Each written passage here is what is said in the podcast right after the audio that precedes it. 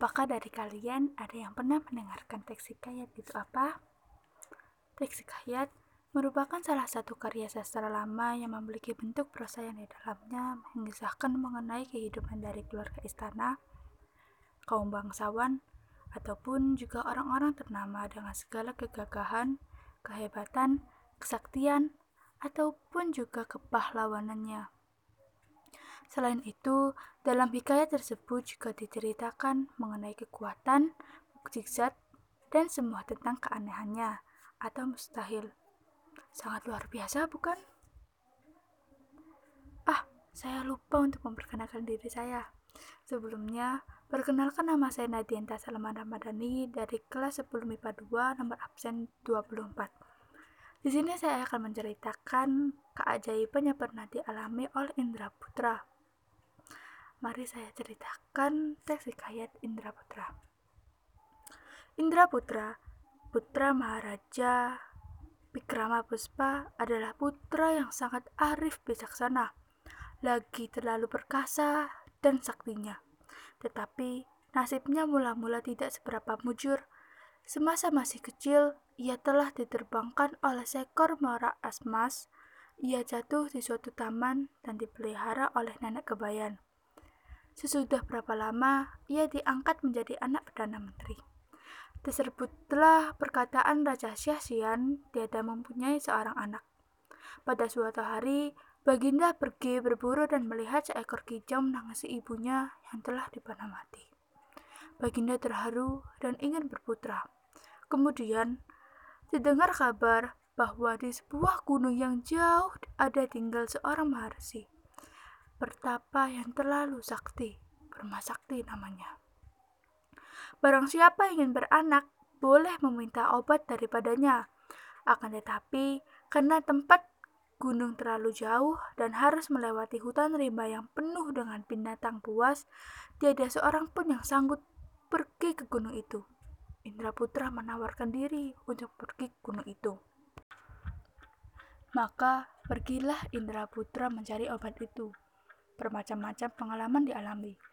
Ia pernah bertemu dengan tengkorak yang dapat berkata-kata, membunuh raksasa, dan bota yang memakan manusia.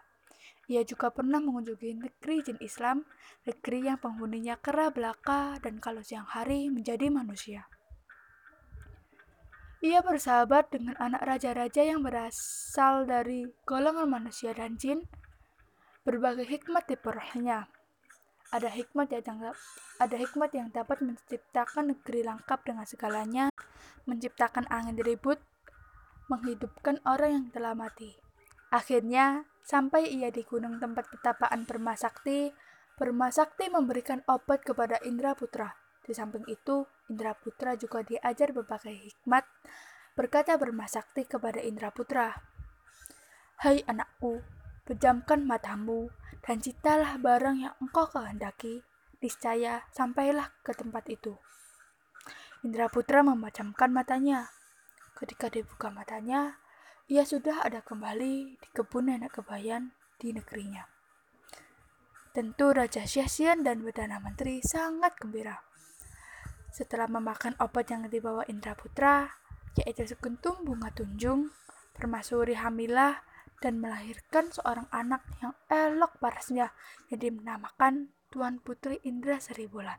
Sangat indah namanya.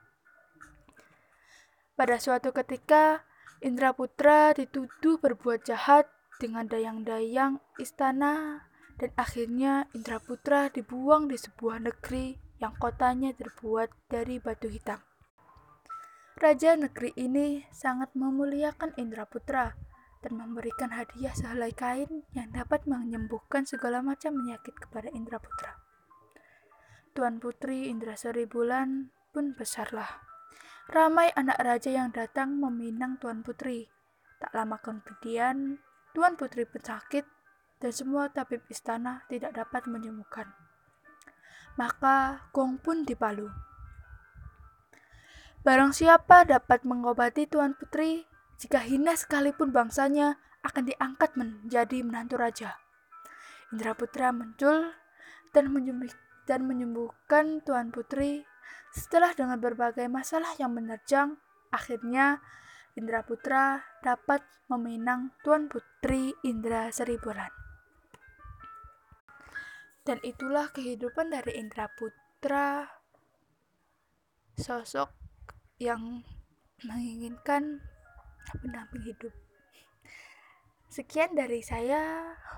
Wassalamualaikum warahmatullahi wabarakatuh.